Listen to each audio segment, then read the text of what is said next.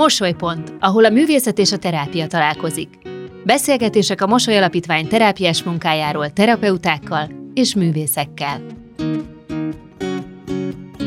Idén 25 éves a Mosoly Alapítvány. Amikor indult, még gyerekcipőben járt Magyarországon a mese- és művészetterápia alkalmazása a súlyos betegséggel küzdő vagy traumát átélt gyerekek gyógyításában. A Mosoly Alapítvány az első fecskék között volt, akik elkezdték ezt a munkát, és ma túl több ezer terápiás foglalkozáson és rengeteg sikertörténeten biztosan állítható, hogy a mosoly terapeutái a legtapasztaltabb szakemberek közé sorolhatók a lelki gyógyítás területén. A 25. születésnap alkalmából egy podcast sorozatban szeretnénk bemutatni azokat a módszereket, amelyekkel a mosolyterapeuták dolgoznak.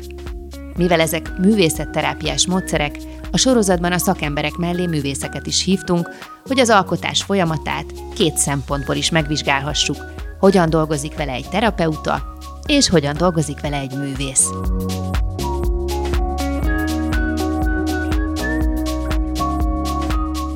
Sziasztok, Veres Dóra vagyok, a Mosolypont Podcast házigazdája. A mai adásban az egyik Mosoly Alapítvány által is alkalmazott terápiás módszert, a pszichodrámát ismerjük meg közelebbről.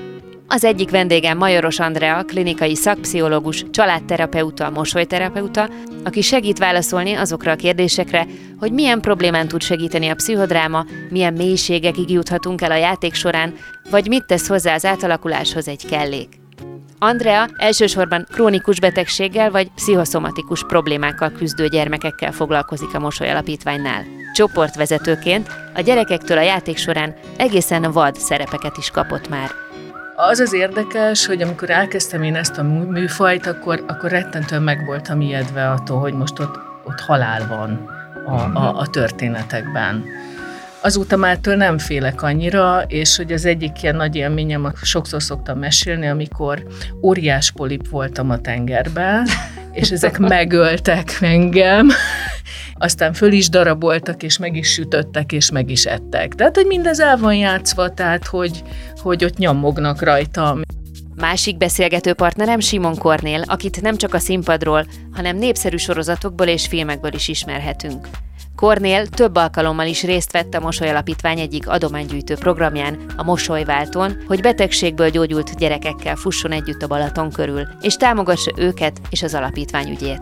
Azt mondja, a színház és a játék sokat tanít a színésznek saját magáról, és talán az sem véletlen, hogy melyik szerep mikor érkezik az életébe. Nagyon sokszor volt az, mondjuk 10-ből 8-szor vagy 9-szer volt az érzésem, igen, hogy olyan, éppen olyan szerepet kapok, ahol a szerep maga, vagy a szereplő azzal a problémával küzdik, ami éppen az én életemben is jelen van. Ez tehát a Mosolypont Podcast pszichodrámáról szóló epizódja, melyben beszélgető partnereim Majoros Andrea és Simon Kornél. Arra gondoltunk, hogy mindig lenne itt egy tárgy, amivel valamit kezdenetek kellene, most egy sálat hoztunk, mm. és arra gondoltunk, hogy ezt kelléknek nézzük, és akkor beemeljük ebbe a bűvös térbe, ami akár egy színpad is lehet, akkor, akkor ti ezzel mit kezdenétek, hogy hogy átváltozzatok valamivé? Hát én mindenféle vígjátéki gondolataim vannak. Általában szerintem, mivel nekem a gyerekekkel gyakran csinálok ilyen, ilyen a törölközővel, úgyhogy Hogy a fejedre csavarod? Hát igen, és akkor ilyen anyókát csinálok magamból. És van hozzá hangod? Hát van. hát persze, hogy van. Hát kedves kisfiaim, a helyzet az, hogy én, én színész vagyok, és így tudom így megjeleníteni Margit nénik. Ezt csinálnám vele. Első körben. Szuper. Na. Andi, neked van ilyen Figyelj, nekem az első, mint a... első gondolatom az volt, hogyha egy ilyet találnak a gyerekek a szobába, Igen? akkor ebből patak lesz.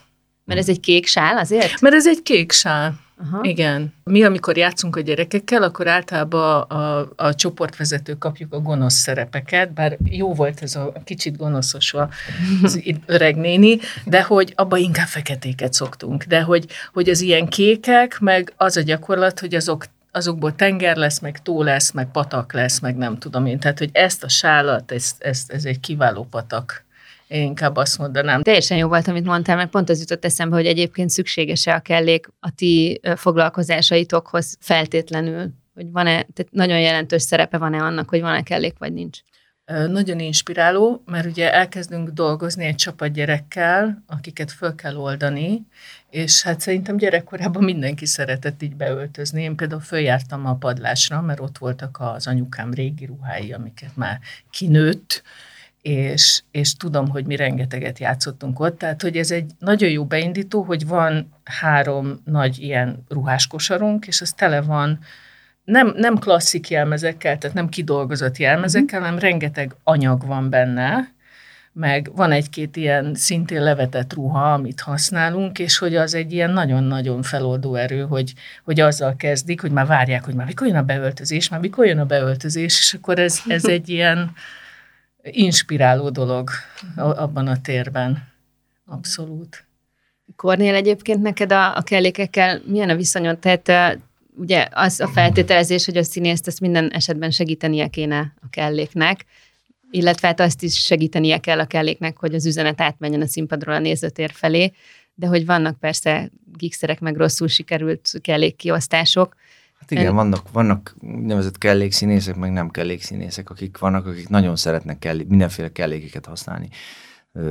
Ezek általában konkrét tárgyak, tehát kevés olyan darabban vettem részt, ahol ezek ilyen absztrakt tárgyak lennének, vagy mondjuk ilyen több jelentésű, vagy összeeszkábált dolgok, mint mondjuk például egyes lengyel színházakban, ahol vannak úgynevezett szegény tárgyak, amiket megfosztanak bizonyos jelentésektől, de ettől bizonyos más jelentésük meg ilyen nagy, nagyon sokszorosára nő. Várjál, Nyilván... erre mondj egy példát, tehát hogy mondjuk hát egy anyagdarab? Tehát, hát hogy... például láttam egy olyat, egy Tadeusz Kántor előadásban, az egy ilyen szegény tárgy volt, hogy volt egy hegedű, kicsit ilyen géppuskanyele volt a hegedűnek, és közben volt hozzá egy ilyen verklitek erő. Tehát, hogy valahogy ez ebből a három dologból lett összerakva, és uh, nyilván mindegyik elvesztette mindegyik uh, eredeti uh, jelentés uh-huh. tartalmát, de valahogy ahogy a három összekapcsolódott, ezek, ez, ez már egyféle ilyen absztrakt uh, jelentést hordozott is, és uh-huh. így uh, gyakorlatilag ezeket nevezte a kántor szegény tárgyaknak. Uh-huh. És te kellékszínész vagy? Nem annyira.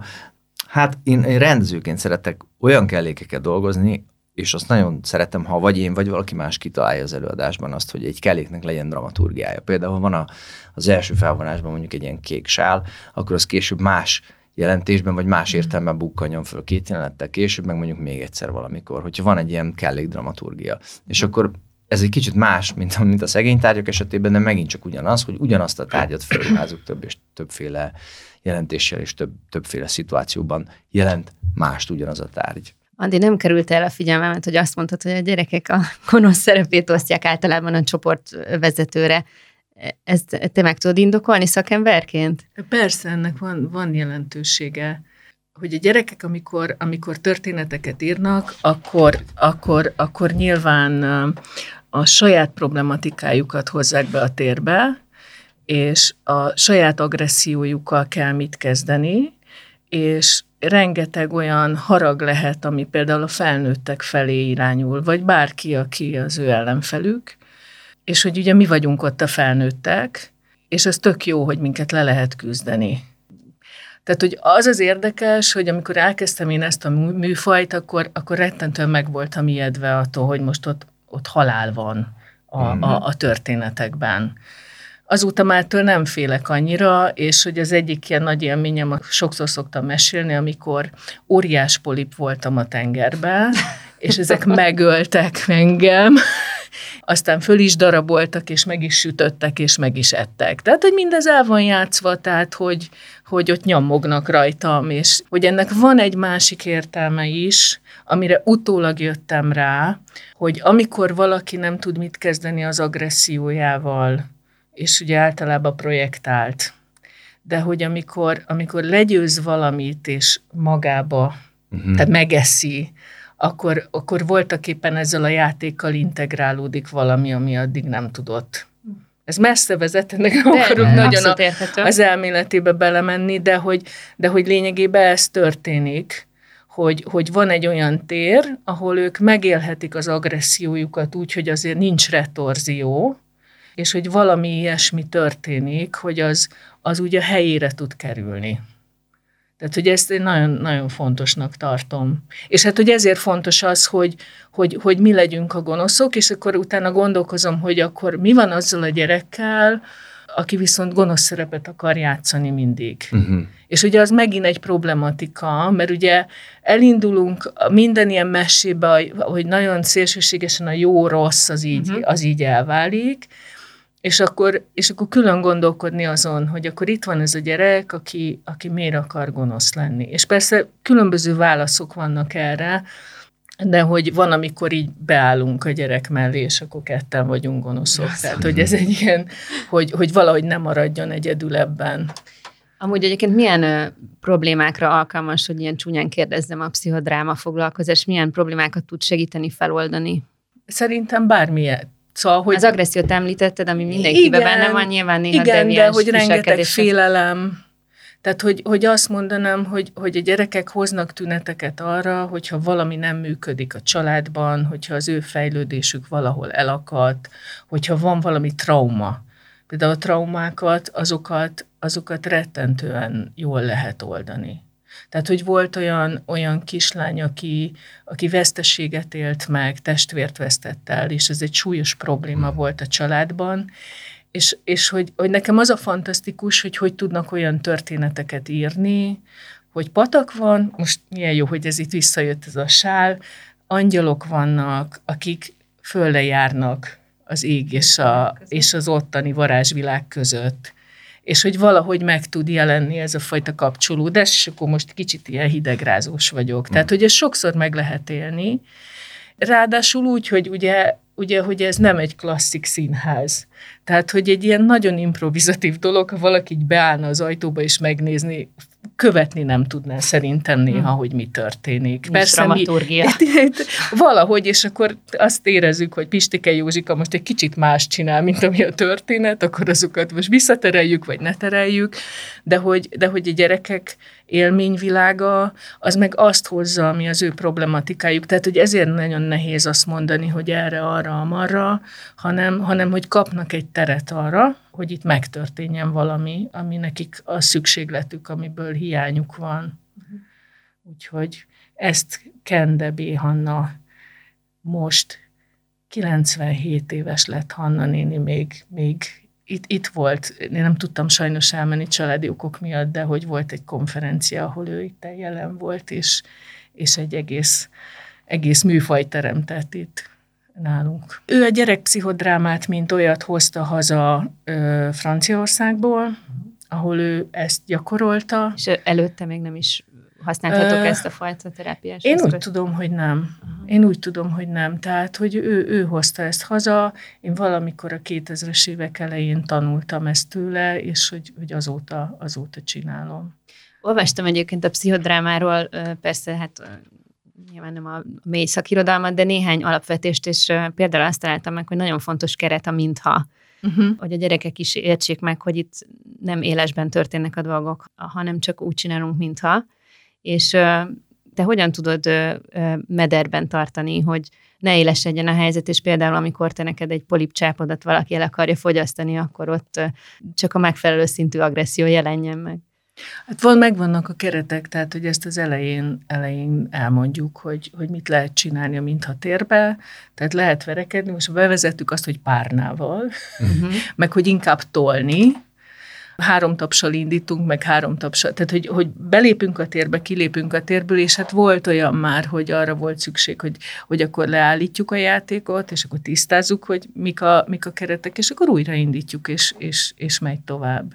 Tehát van ilyen persze, amikor egy gyerek így annyira beleéli magát, hogy uh, de akkor, akkor valahogy így... A három több segít. Aha, és akkor, és akkor valahogy visszatereljük, vagy, vagy valamelyik vezető, ha úgy érzi, hogy itt most mellé kell állni, akkor, akkor ott, ott tompít valamit. Kornél színészként vagy rendezőként gyűlte már meg bajod ezzel a, a problémával, szóval, hogy amikor valami olyan átlényegülést érez, vagy lát az ember, amit talán több, mint egészséges. Hogy ne, én magam is tapasztaltam saját magam, saját magamon, nyilván kezdőszínész koromban, főleg így kezdeti versmondós időszakokban, és aztán meg is kaptam azt a kritikát, hogy nem, ennyire nem szabad bele, bele süppedni. A színészetben is van ez az úgynevezett mágikus mintha, aminek én az erejére, az erejére kicsit későn döbbentem rá. Nagyon érdekes, mert a mágikus mintát gyakorlatilag bárhol lehet gyakorolni, tehát egy színi növendék vagy egy színész is bárhol gyakorolhatja. Most, most is elképzeltem azt például, hogy itt van valahol egy időzített bomba ketyeg, és azonnal megváltozik a viselkedésem, és azonnal megteremtődnek azok a bizonyos Szóval, hogy a mágikus mintának varázslatos ereje van, tényleg azt gondolom, hogy ebben nagyon hasonlít a pszichodrámára, és beindítja rögtön azokat a mechanizmusokat, amik, amik egy, egy szerepformáláshoz szükségesek. Ugye két nagy iskola van, a method acting, ami szerintem hülyeség, de ez az én szigorú magánvéleményem, és az Adler féle iskola legalábbis ilyen a, mondjuk ez a picit már az, az Egyesült Államokból át, átvett tipológia. Ugye a method acting szerint a színésznek teljesen el kell sajátítani a szerepet, úgy kell élni gyakorlatilag, mint ahogy azt a szerep megkívánja. Hozzáteszem, hogy ezt egy repertoár szinten játszott, tehát egy, egy, egy, mondjuk egy 30 este játszó, 30 különböző, vagy tudom, 15 különböző darabot játszó színész esetében ez, ez képtelenség. Tehát egy elve a method acting azt gondolom, hogy egy olyan forgatás esetében működőképes, amikor egy fél évig forgat valaki egy filmet, vagy uh-huh. mit tudom, két hónapig, és előtte van másfél év rákészülési ideje. És akkor tényleg el lehet mélyedni ember, és akkor el lehet menni, mit tudom én, bibliai tájakra, és úgy élni, vagy nem tudom, a Rómába, és akkor Meghízni, Rómába, lefogyni. Meghízni, lefogyni, így van, vagy, vagy, vagy mit tudom én, boxleckéket venni, és akkor, vagy kamionsofőrként élni, és, vagy, vagy rendőrként én, én nem ebben hiszek, én abban hiszek, én először a Mihály Csehovnál olvastam, ki azt mondja, az ő metodikája, hogy a színésznek elsősorban és mindenek előtt gazdag és rugalmas fantáziával kell uh-huh. rendelkeznie. És ez később hát szinte nem, hogy mondjam, tudományos igényességű, de mégis valamilyen szintű pszichológiai tanulmányaim során azt, de javíts ki kérlek, hogyha tévedek, de végsősorban a tudattalan lecsapódásában az, hogy, hogy ezt, te, ezt te valóban megélted ezt az eseményt, vagy csak a fantáziádban létezett, ez gyakorlatilag bizonyos mélységben, a tudat bizonyos, vagy a tudattalan bizonyos mélységeiben, ez gyakorlatilag ugyanaz.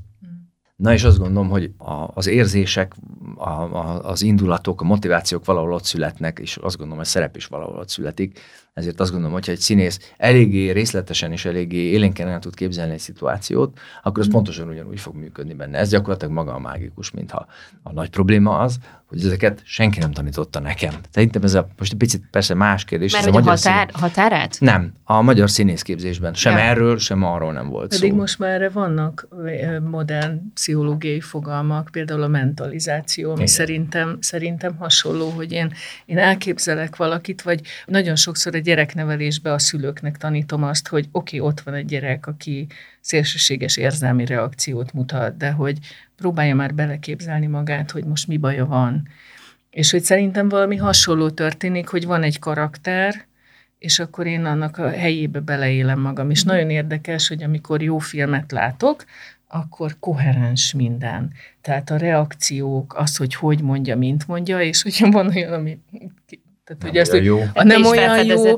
Akkor, akkor így jelez bennem egy csengő, hogy itt, itt, itt, itt nem oké valami, tehát, hogy nem, nem. Ha. És hogy tényleg azt gondolom, hogy nem kell úgy élni. Én ezen gondolkoztam egyébként, mert hogy nálunk ezt, ezt a teret, ezt a fantázia teret, ilyen, a Vinikot van egy ilyen nevű, nagy nevű pszichológus, vagy pszichiáter volt, vagy gyerekorvos volt, nem, gyerekorvos volt ő valójában, és hogy ő találta ezt ki, és hogy elkezdtem gondolkozni azon tegnap, mert hogy jövök ide, és miről fogunk beszélni, hogy, hogy voltak éppen, ugye kilép az ember a valóságból, de egyik lába még ott van, és akkor, és akkor valami fantáziatérben vagy, egy átmeneti tér, és hogy, és hogy abban, abban meg ezek működnek, és hogy valahogy arra gondoltam, hogy a színpad is valami ilyesmi, hogy ott is betapsolsz hármat, fönt vagy eljátszod, és akkor utána, utána az a nézők, le, nézők, le, letapsolják, és akkor igen. De hogy ez nagyon fontos, és ugye hát erre kital, a tükörneuronok, meg egyebek, és azt gondolom, hogy,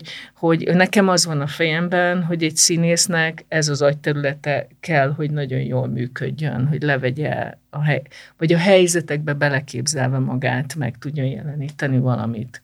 Igen, de hogy aztán ki is tudjon abból lépni. Szóval tényleg érdekelne, hogy volt-e olyan példa, amit, amikor esetleg te tapasztaltál, vagy, vagy mondom, rendezőként tapasztaltál valaki általad irányított aki, színésznél olyat, akinél segítened kellett abban, hogy ebből nem, ilyen nem, nem volt. volt precedens. Hát láttam nagy nevű kollégákat, akik gyakorlatilag egy állandó fantázia világban éltek. Most kimondhatom, persze mondhatom, aztán kisvághatjuk, hogy szerintem a szakács is ennyi például egy olyan figura volt, aki gyakorlatilag nem a valóság. Tehát ő nem tért vissza, vagy soha nem is volt a valóságban. Hogy ő, ő folyamat az életben is játszott úgy olyaténképpen, hogy neki, ő gyakorlatilag a szerepein keresztül élt, tehát hogy gyakorlatilag nem, nem is volt igazán civil élete, vagy az eléggé redukált volt. És azt láttam, hogy a hétköznapi interakcióban és a kollégákkal való találkozásban is az van, hogy ő, ő őt nem szeretne, mert ő egy, egy, egy szerepben olyan, tehát hogy valahogy annyira, annyira, annyira a szerepeink keresztül élt, de facto azt gondolom, hogy a hétköznapi életre nem is különösebben volt, volt alkalmas. Tehát, hogy ilyen, ilyes, ilyesmit tapasztaltam, hogy, hogy sőt, azt gondolom, picit talán mindannyian ilyenek vagyunk, akik a hétköznapi életre olyan nem, nem, nem minden esetben, és nem, szóval nem feltétlenül két lábban állunk a világ. Azt gondolom, hogy mi, egy kicsit mindenki ebben a fantáziát, tehát hiába a taps, uh-huh. és hiába lépünk ki belőle, uh-huh. és elvileg uh-huh. két lábbal vissza a világra, azért valahol ez a kapu végig nyitva van, és azért örömmel lép át rajta mindenki, örömmel lép be a színpadra, és, és kerül teljes terjedelmében ebbe a fantázia világba. Uh-huh. Hát igen, de ott vannak a gyerekek, akik egyrészt mind a kettőt tudják. Tehát, hogy visszahúznak két lábbal a valóságba, Abszolút, és aztán a következő pillanatban meg tudnak bevinni igen. ugyanebben. Igen, ők még kibe járkálnak, de te is igazából azon gondolkodom, hogy rendező vagy, amikor egy ilyen... Ö, ö... Nem, nem hiszem. Nem hiszem. Már olyan értelemben biztosan, hogy... hogy Inkább kezed... keretadó vagyok, Aha. Uh-huh. Azt gondolom. Tehát én nem, nem, nem hiszem. De ebben az ide-oda lépésben tudsz segíteni, vagy kell segíteni? Ab, abban igen, abban igen, de hogy, hogy nálunk az, hogy hogy történik a, a játék, Inkább, hogyha azt érzem, hogy valami olyan nagyon elakadós, és hogy nincs benne semmi kraft, hogy mm. úgy mondjam, akkor, akkor egy kicsit terelem őket arra, hogy de hát történjen már ebben a jelenetben valami. Tehát, hogy ilyen szinten, de aztán úgy nagy nehezen eljutatjuk őket addig, hogy legyen valami bonyodalom, vagy nem tudom én, mert az elején, amikor sok szorongó gyerek van egy mm. csoportban, akkor úgy malmozunk, hogy na most ebből hogy, hogy tudunk játékot csinálni. Tehát, hogy van, amikor facilitálni kell, de hogy, de hogy alapjába véve nekünk az a törekvésünk, és szoktuk is mondani, hogy a történethozó az lehet a történetnek a rendezője. Mert hogy van egy ilyen szerep, erről még eddig nem beszéltünk.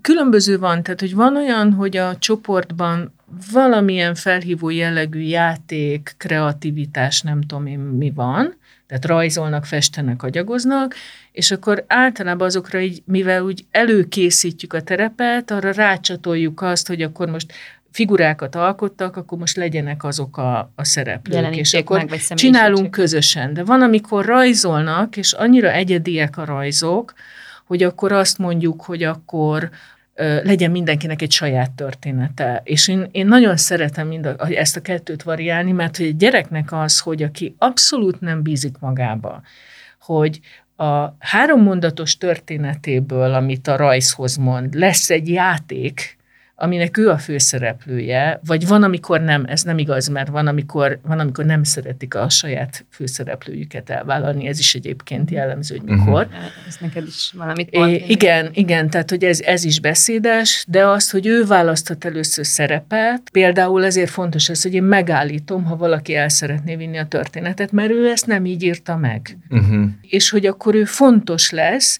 és hogy lényegében teremt valamit tehát, hogy itt igazából nekem arra kell törekednem, hogy egy gyerek legyen a rendező, amikor egy saját története van.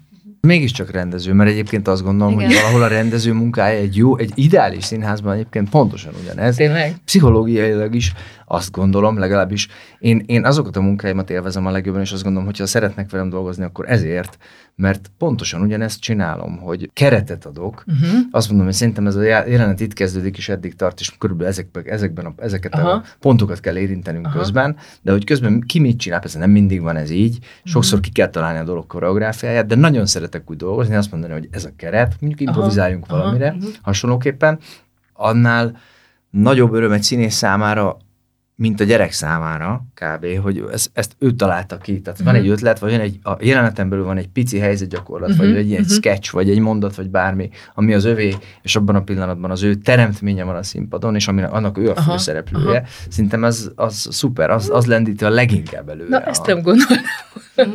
a, a darab szekerét. És hogy akkor igazából ami ennek a lényege, hogy nálatok a gyerekeknél ugye ennek gyógyító ereje van, kell, hogy legyen gyógyító ereje, hiszen e- erről szól. Arra gondoltam, hogy ezt valahogy meséld el, hogy értsük meg, hogy ennek mi a folyamata, és hogy tulajdonképpen meddig tart. Szóval, hogy akár egy pszichodráma foglalkozásban részt vesz, vett gyerek is tud megkönnyebbülni, vagy azért azok a traumák, azok a problémák, amikkel... Megkönnyebbülni, igen. Aha. Tehát, hogy azt gondolom, hogy ha, ha ténylegesen ő benne van egy játékban, tehát azt szoktuk látni. Nagyon sokszor van az, hogy jönnek gyerekek, és akkor nem, hát ők csoportban nem, hát nem. Uh-huh. És akkor van egy alkunk, hogy na, két alkalommal el kell jönni, mert az első az olyan nagyon ismerkedős, akkor még nagyon szorongsz, az még nem. De hogy kettő, és a második után én leülök veled, és ha te azt mondod, hogy neked ez nagyon rossz, és én nem akarsz jönni, akkor nem kell. Mi az arányszámod? Egy. Egyetlen tíz, egy? tíz, tizenvalahány év alatt. Egy igen. mondta, hogy mégse? Igen. Azt, igen. Azt a minden. Igen, de ő, ő, ő, ő, már egy ilyen, tehát hogy, hogy nekem is kérdés volt, hogy akar-e jönni, mert hogy, hogy már ilyen 11 éves volt. Én nagyon szeretek alsó tagozatos korosztályjal játszani, mert hogy mert hogy ők már mentálisan vannak annyira, hogy tudják követni a történet folyamot, tehát a kicsik, az ovisok, azok még úgy elkóricálnak, el, el és hogy még nem indul be a kamaszkor, meg a kiskamaszkor, a kiskamaszkor nagyon zárt. Tehát, hogy ott nagyon nehéz megmozgatni fantáziákat, pont azért, mert bent nagyon sok van, amiből nem, tehát, hogy nagyon sok a változás, és mm. hogy a, abból ki kirakni az, az nehezebb, és már a felnőtt világ felé kell kacsingatni. Ez egy nehéz korosztály. Nehéz, tehát hogy ez, ez a fiúcska volt, aki azt mondta, hogy ő inkább focizni megy a barátaival, és neki nem jó ez az időpont, és akkor, és akkor így elengedtük. De hogy mm. így általában föl szoktak oldódni, de most elfelejtettem a kérdést. Az alapkérdés az az volt, hogy a folyamatba avasd bele ja. minket egy kicsit. Ö, és hogyha egyszer jön el valaki, és tényleg jól érzi magát ott, akkor maga az élmény, az lehet egy felszabadító, de hogy azt gondolom, hogy egy alkalommal ennyit adtunk. A folyamatban meg, meg nagyon érdekes, hogy hogy ezt, amit mondtam a történet kreálással, meg hogy ő rajzolt. Van olyan gyerek, aki, aki nem mer rajzolni, vagy ilyen kis izé, finci bogárkákat rajzol, és aztán a végén, amikor a porpasztelt így tenyérrel keni, uh-huh. hogy nyilván az már... Akkor egy... magadnak egy ötös titokban ilyenkor? Hát nem csak magamnak, a kolléganőimnek is, meg minden, tehát hogy ezért ez egy jó kis csapatmunka. Szóval, hogy, hogy, hogy ott van a folyamata, hogy mondjuk az iskolában, vagy otthon, ő, ő nem meri magát kifejezni. És hogy itt megtapasztalja azt, például ő megfelelési kényszeres, mert mindig, amit kívülről mondanak, azt kell jól csinálni, erre jól rászólunk, hogy nehogy hibázon, stb. stb. És akkor bekerül egy olyan helyre, ahol mi nem mondjuk meg azt, hogy, hogy mi a jó. És hogy voltak éppen azt gondolom, hogy ez hat, ezt a belső nem tudom, én Jungi vagyok, én Zelpsnek hívom, uh-huh. hogy ez a, ez a belső lelki magja egy gyereknek elkezd zenélni, és akkor úgy, úgy, úgy jönnek, és akkor meri a színeket használni, és, és hogy játékban, amikor először kutya, macska, ló, egyébek nem kell megszólalni, de van, aki abban nagyon intenzív tud lenni. Aztán jön az, hogy elkezd megszólalni, és akkor az a, az a képem, hogy akkor, akkor lehet, hogy a suliban is elkezd merni megszólalni például vagy a szülőknek is jobban el tudja mondani, hogy mi van. Ja, mert ez a másik dolog, ami a mi munkánkhoz tartozik. Szülői hogy... konzultáció. Mm-hmm. Vagy igazából Tehát, a szülőknek is kéne egy jó kis pszichodráma, nem? Hát lehet, igen, de, de hogy anélkül így elképzelhetetlennek tartom, hogy szülőkkel, szülőkkel ne dolgozzunk közben akkor ezek nem csak arról szólnak, hogy visszajelzel a szülő felé, hogy mit látsz a gyerekkel kapcsolatban, milyen változások történtek meg, hanem egy kicsit őket is edukálod? Úgy van, hogy én a Budai Gyerekkorházban dolgozom, és hogy onnan verbuválódnak főként a gyerekek, nagy részt én a gyerekekkel már foglalkozom egyénibe, mielőtt csoportba rakom őket, vagy van lehetőség arra, hogy így alaposabban rálássak a családi működésre. És hogy akiben megvan affinitás, van, amikor párhuzamosan én, én ahol azt látom, hogy nagyon nagy problémák vannak, hogy megpróbálok még azon a módon is segíteni. Hát van, amikor sikerül, van, amikor nem. Uh-huh. Elmondjuk, de, de hogy nincs, nincs foganatja. És akkor azt úgy sejtem, hogy jó, ez a gyereknek valamit adtunk, de, de hát nem tudom, hogy mi lesz. De hogy ezt nagyon nehéz volt megtanulnom elengedni. Hát elengedni. Pont ez jutott eszembe, hogy szakemberként. Meddig, meddig megy az ember utána, vagy mikor jön az a pillanat, amikor fölismeri azt, hogy, hogy már, nincs beleszólása. hogy nincs beleszólása, vagy hogy ezt te Jó sok szupervízió. Igen. Igen. Az heti rendszeresség? Nem, hát régen, régen havonta csináltam, most, mm. most, már, most már csak ilyen véscsengőim megszólalnak, ah. akkor megyek, mm. hogy most Igen. valamiben nagyon bevonódtam. Tehát, hogy pont ezt a határt így, így tartani, hogy, hogy, hogy mi vagyunk dühösek, tehát hogy miért, dühös vagyok a szülőre, hogy miért csinálja ezt a hmm. gyerekkel, és hogy azt elfogadni, hogy, hogy ez az ő gyereke, nem az enyém, az ő gyereke, én, én elmondom, segítek. Ez ilyen nagyon keményen hangzik, de, de hát hogy... Muszáj határokat hozni. Igen, mert hogy különben örökbe fogadhatná az ember a félvilágot, vagy, vagy, és ráadásul ugye az is benne van, ez a jó kis megmentő szindróma, amit azért nyilván kerülgeti az embert sorozatosan, hogy, hogy, hogy amikor, nehéz, amikor nehéz történetekkel Igen. találkozik, de hogy, de hogy, hogy, hogy valahogy azt kell, azt kell tudni megcsinálni, hogy, hogy, hogy a gyerek vagy a szülő tudjon önállósodni és felelősséget vállalni, és, és csinálni a dolgait. Tehát, ez talán egy kis remény, hogy azért az a szülő, aki egy ilyen foglalkozásra elhozza a gyerekét, már valamilyen értelemben nyitott az ilyen típusú gyógyulásra vagy változásra, csak néha saját magában nem fedezi fel, hogy, hogy őnála is szükség lenne hasonló tevékenységre. Hát, so, sokféle van, igen, igen, sokféle történet van. Kornél egyébként szerinted, hogyha személyiségfejlesztésre, stresszoldásra szuper a dráma, és ebben egyezünk meg, hogy ez így van, akkor miért nincs az, hogy minden színész extrém kiegyensúlyozott? Mert hogy tulajdonképpen hát akkor igen. a színpad ez egy teljesen jó tér lenne arra, hogy minden problémát leteszünk. Amúgy egyébként, ha jól tudom, ez tényleg úgy van, hogy a fejfájás elmúlik, a szívszorítás elmúlik a színpadra lépéskor, aztán Hát igen, van ez a Dr. Stage, de szerintem ez tulajdonképpen Dr. csak a Dr. Stage, igen. De ez tulajdonképpen szerintem csak a fókusz áthelyeződése. Tehát az, hogy amíg az ember így van egy, egyfajta testudatosság, történetesen pisilnie kell. Akkor nyilván, hogyha nincsen komolyabb feladat, akkor ez így meglehetősen be tud, tud szuszakolódni a, a tudat küszöb fölé, és akkor így ott van, hogy na, van a vicc. De hát abban a pillanatban, hogy egy magasabb rendű feladatra kell koncentrálni, vagy teg egy, egy ilyen, teg át kell helyezni a fókuszt, és egy színpadon nagyon sok mindenre kell egyszerre odafigyelni, akkor ezek a ezek szépen visszaszorulnak a tudatküszöb alá, és akkor utána, utána hatványozottan jelentkeznek mm. persze visszatérve az eredeti kérdésre, ez nagyon érdekes. Én mindig azt éreztem, hogy nekem földob a színpad terá- terápiás hatású mindenképpen, abban az értelemben, hogy bármit is játszom, vagy hát különösen fajsúlyosabb drámák esetében az életből hozott adott problémát össze lehet sűríteni, és ki lehet köpni, vagy ki lehet hányni magából az embernek a színpadon. Tényleg így bele, bele szuszakolni a szerepbe, és annak a frusztráltságán, a dühején, vagy az agresszióján, vagy a szerelmén, vagy a szeretetén keresztül megélni ezt az egészet, vagy így gyakorlatilag sublimálni vagy mentalizálni, ha úgy tetszik, mm. nem, speciál nem a saját szavaimmal, hanem a, a szerep, mm-hmm. szerep mm-hmm. szavaival. De mégis az ember hiszen magát képzeli oda mögé, mégiscsak kicsit olyan, mint hogy ő mondta volna. De válaszokat, úgy értem, terápiás válaszokat azért nem, nem ad a színpad. Tehát azt gondolom, hogy mindenkinek, én magam többféle terápiára is jártam, illetve járok, fölismervén azt, hogy ez magától nem fog menni. Igen, és vannak problémák, mint, mint azt gondolom, hogy minden embernek. Én is hurcolok magammal mindenféle problémákat, amiket jó lenne megoldani mondjuk például az indulatkezelési zavarokat, vagy az asszertivitás hiányát.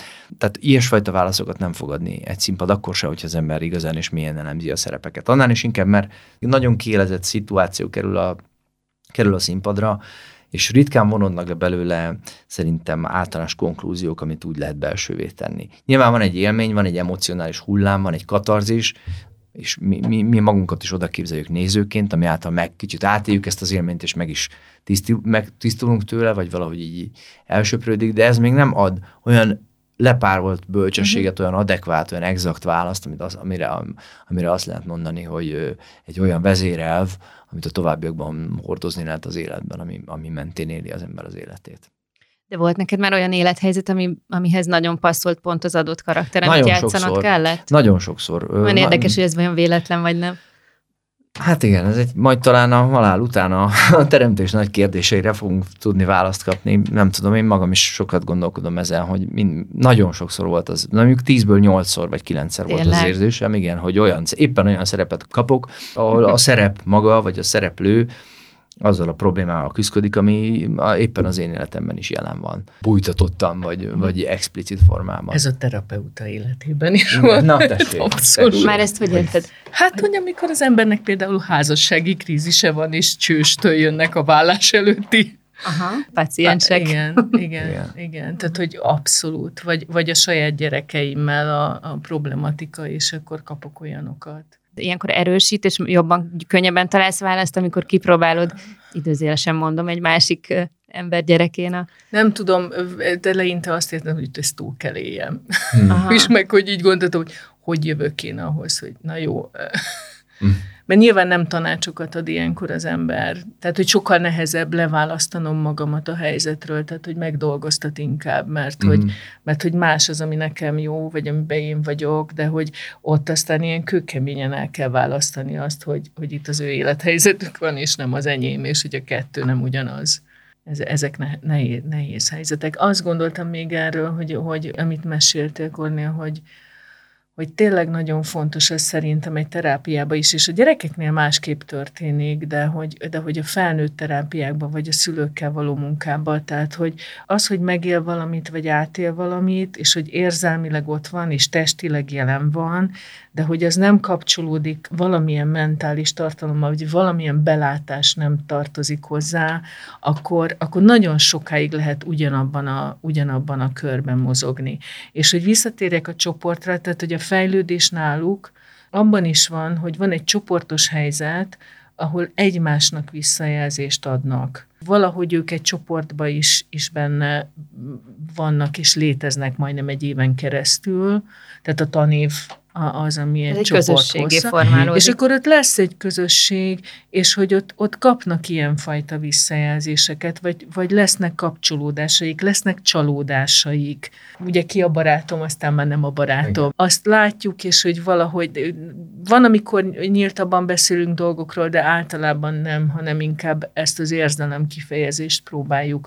Tehát, hogy valahogy tudatos szintre hozni azt, ami nekem egyébként a veszőparipám, hogy amikor elkezdenek csúfolni van egy gyereket, aminek vannak finom formái, amire én nagyon ki vagyok élezve, amikor így grimaszokat vág valaki, és akkor én így rögtön megkérdezem, hogy azt látom, hogy, hogy neked abból, ami a másik mondott, abból valami rossz érzésed keletkezett, mert látom az arcodon, és hogy el tudod mesélni, hogy mi zavar. És akkor egyrészt ezzel ki lehet pukasztani a lufit, vagy nem tudom, másrészt meg tényleg, tehát nem, nem az a, tehát hogy hogy lehet úgy ezeket kezelni, hogy ne azt mondjam direktíve, hogy most itt ne, van szabályban, hogy nem bántjuk egymást, uh-huh. hogy ebbe benne van, de hogy az legyen, hogy a gyerek valahogy próbálja önmaga megérteni, hogy őt mi zavarja a másikba. És akkor volt olyan gyerek, hogy hát úgy beszél, mint a nagymamám. Aha. És én nem szeretem, amikor a nagymamám nyelvokból beszél. És akkor jó. Aha. És akkor azt mondjuk a kislánynak, hogy figyelj, akkor ha, mit tudom én, a, az a fiúcska krákog, vagy valami, ad egy jelzést, akkor figyelj oda, mert hogy őt ez zavarja. Tehát, hogy ki lehet tenni ezeket a dolgokat, és nem csúfolás lesz belőle. És hogy például ilyeneket, hogyha tanulnak gyerekek, hogy, hogy ők érzést váltanak ki a másikból, és vice versa, és így hatunk egymásra, és ebben valahogy jobban eligazodnak, akkor ez megint egy ilyen élmény. És ezt élesben is akkor könnyebben, vagy, vagy? Hát gondolom, fog... igen, igen, igen.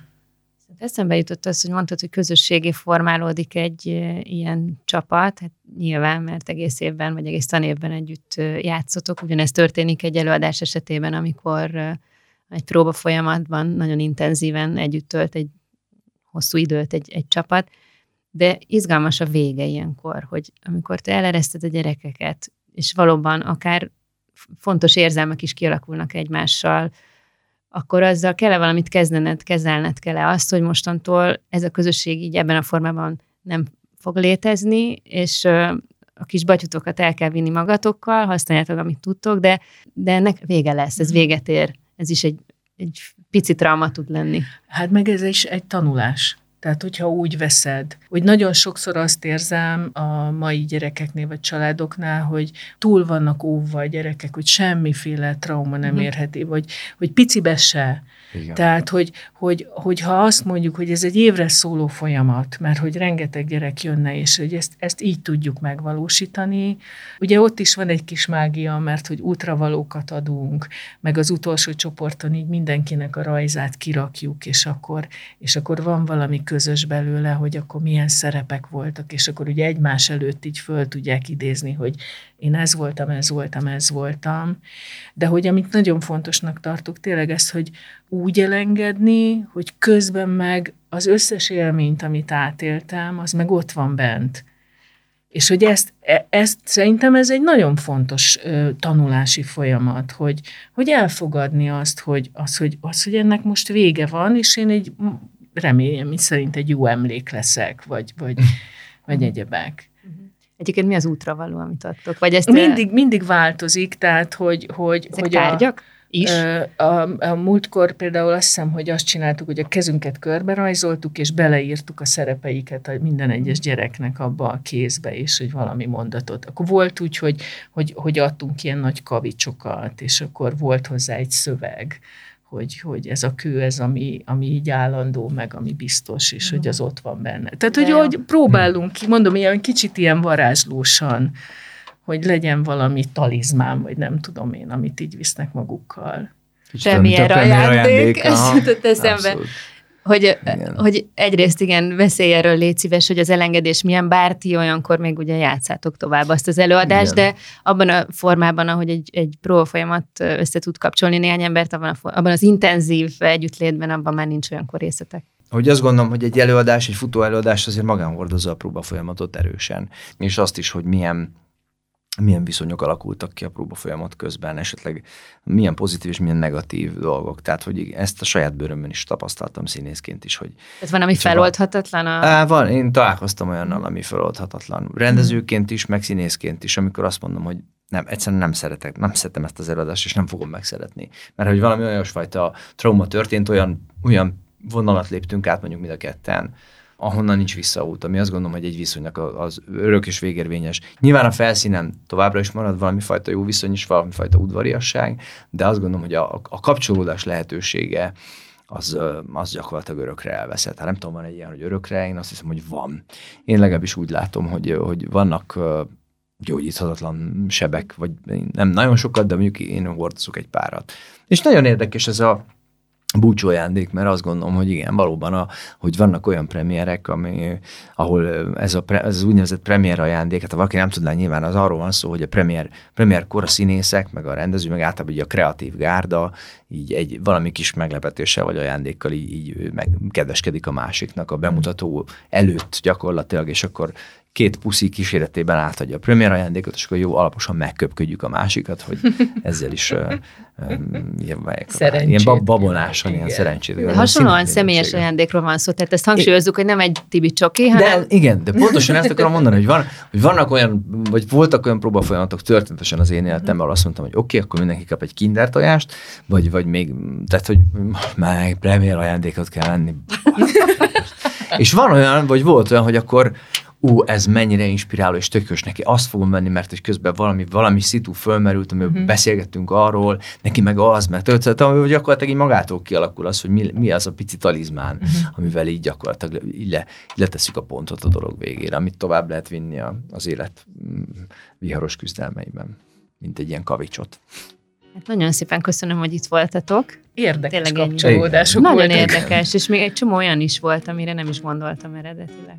Aha. Köszönöm szépen, hogy itt voltatok, és beszélgethettünk. Nagyon szépen köszönjük. Köszönöm, hogy velem és vendégeimmel, Majoros Andrea terapeutával és Simon Kornél színésszel tartottatok. Amennyiben szeretnétek többet megtudni a Mosoly Alapítvány terápiás munkájáról, vagy támogatnátok valamilyen formában a szervezetet, látogassatok el a mosolyalapítvány.hu oldalra, vagy keressétek az alapítvány Facebook vagy Instagram oldalát. A Mosolypont podcast sorozat további epizódjait is megtaláljátok az említett weboldalon és az összes ismert podcast felületen. Legyen a műsorlistán a Mosolypont, hogy bármikor meghallgathassátok. Mosolypont, ahol a művészet és a terápia találkozik. Beszélgetések a Mosoly Alapítvány terápiás munkájáról terapeutákkal és művészekkel.